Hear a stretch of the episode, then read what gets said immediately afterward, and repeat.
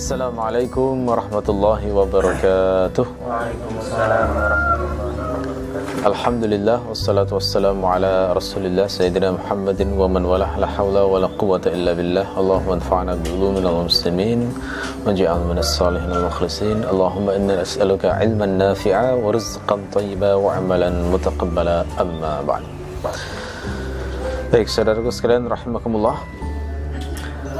Topik kajian kita untuk kitab Matan Abu Suja pada pagi hari ini adalah membahas tentang topik al-istibra. Apa itu istibra? Istibra itu makna bahasanya adalah tolabul baro'ah, meminta kebebasan, meminta pembebasan, meminta hal bebas. Nah, yang ini maksud di sini adalah uh, membebaskan uh, bukan membebaskan yang dimaksud di sini adalah uh, masa menunggu seorang wanita ketika dia diharapkan sudah dianggap bersih ya dari uh, apa yang diduga ada isinya pada rahimnya pada uh, status sebelumnya. Nanti saya akan menjelaskan lebih detail dari contoh akan sehingga bisa difahami betul makna istibra ini seperti apa. Ya. Abu Suja mengatakan waman istahdatha milka amatin harum alaihi istimta'u biha hatta yastabri'aha. Barang siapa yang memulai kepemilikan seorang budak wanita maka haram baginya untuk bersenang-senang dengannya hingga melakukan istibrak padanya telah kita ketahui bahwa dalam hukum Islam itu seorang budak wanita itu boleh digauli oleh tuannya sebagaimana suami menggauli istrinya ya. akan tetapi kalau misalnya seorang itu mendapatkan budak pertama kali maka dia tidak boleh langsung menggaulinya sebelum dia menggaulinya harus dilakukan istibrak dulu. Ya apa itu istibrak ya. istibrak seperti saya katakan tadi mana bahasanya adalah membebaskan. Me, apa ya? Me, tolabul baro'ah itu gimana membahasakannya? Budak ini di eh, dipastikan dulu kondisinya bahwa dia telah bersih gitu ya. membersihkan lah membersihkannya lah gampangannya begitulah istibra itu nah cara istibraknya adalah dengan menunggu selama satu kali haid gitu. jadi kalau dia sudah selesai satu kali haid maka berarti sudah terrealisasi istibra barulah kemudian wanita tersebut boleh digauli ya seorang wanita ketika menjadi budak itu kan e, bisa jadi dia itu sebelumnya digauli oleh e, tuan sebelumnya. Atau kalau misalnya budaknya pertama kali bisa jadi dia digauli oleh suaminya yang suaminya kemudian mati di medan perang. Kemudian wanita tersebut menjadi tawanan sehingga dia menjadi budak misalnya. Nah pada status kondisi semacam ini maka dia e, dituntut untuk istibrak terlebih dahulu sebelum boleh digauli. Akan tetapi istibrak ini sifatnya ta'abudi. Karena ta'abudi maka berarti tidak harus dipastikan bahwa budak tersebut itu sudah pernah digauli sebelumnya oleh uh, seorang lelaki. Tidak harus. Jadi misalnya budaknya itu seorang gadis misalnya yang masih perawan. Uh, maka tetap dituntut istibrok meskipun cara istibroknya nanti beda bukan dengan haid ya. Atau wanitanya misalnya menopause. Ya, menopause itu juga tetap dituntut istibrok.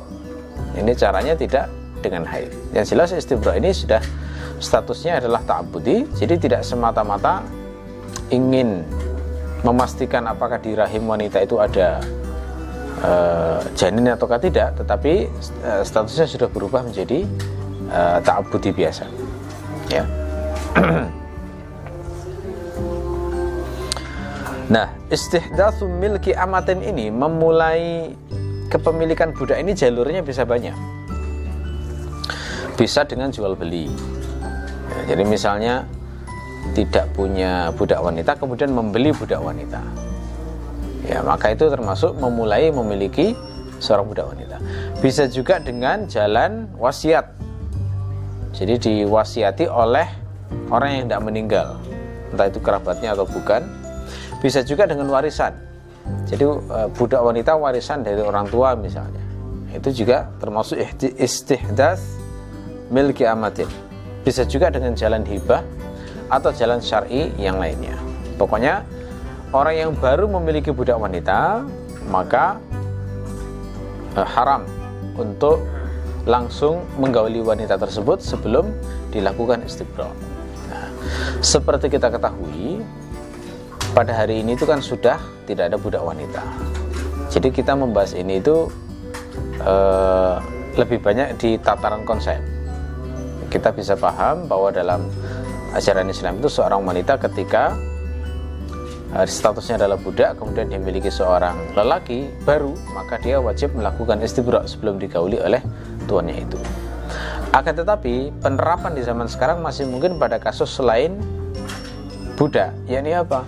Yakni pada seorang wanita yang dia itu berzina sebelum menikah. Ya saya menulis artikel khusus.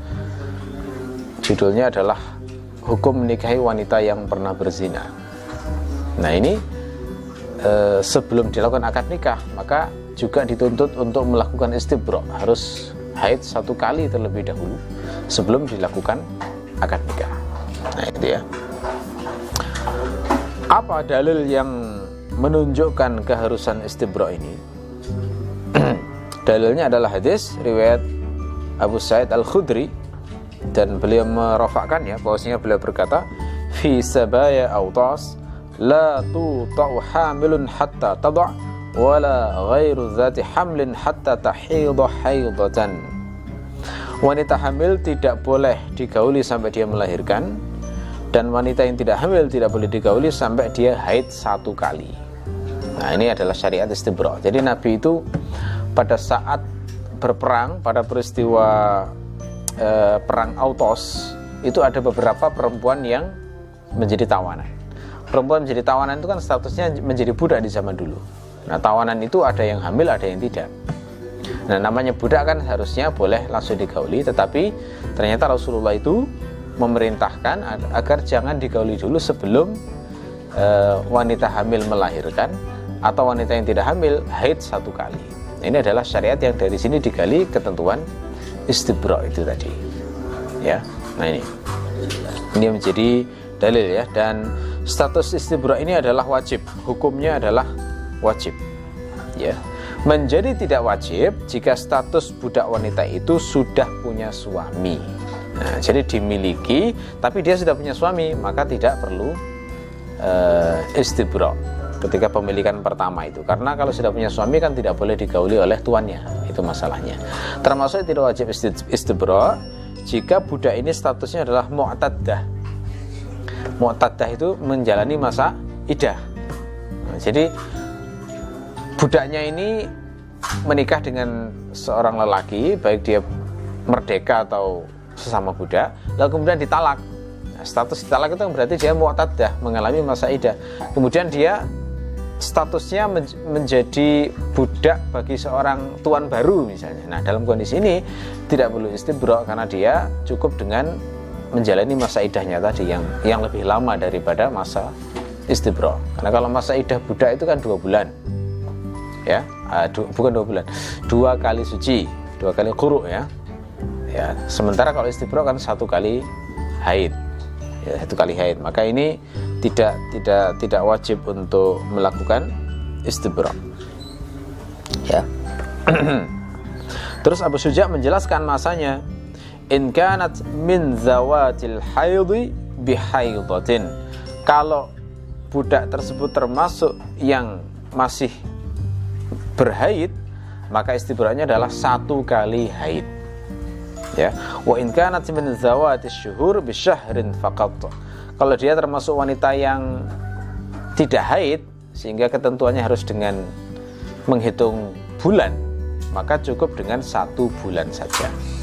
Wanita yang nggak haid berarti kan anak kecil yang belum dewasa atau wanita yang mengalami menopause yang sudah menopause. Nah itu cara istibroknya adalah dengan menunggu selama satu bulan saja.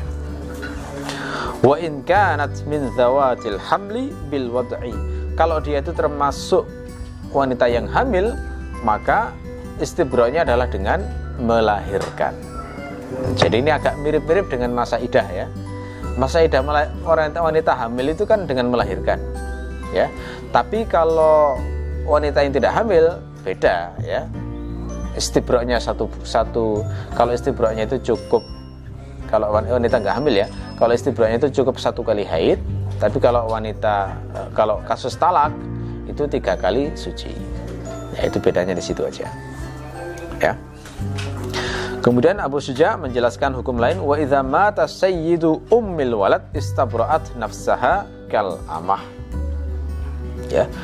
Kalau tuan dari ummul walad itu meninggal dunia, maka dia melakukan istibra' juga seperti seorang budak. Apa itu ummul walad? Ummul walad itu adalah variasi dari budak wanita. Nah, bagaimana penjelasannya?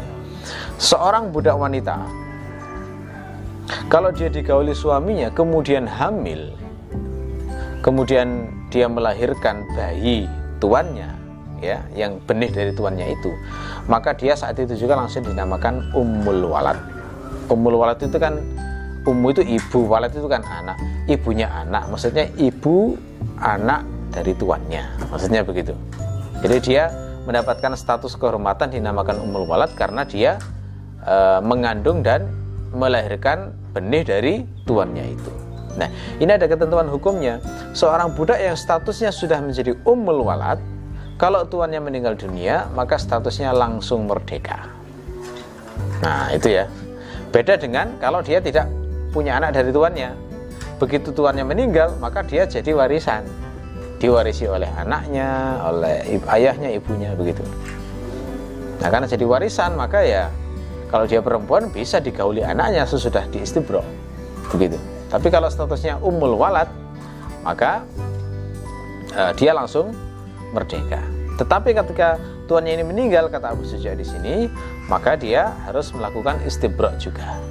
Nah itu uh, karena disamakan statusnya dengan uh, budak wanita tadi. Ya.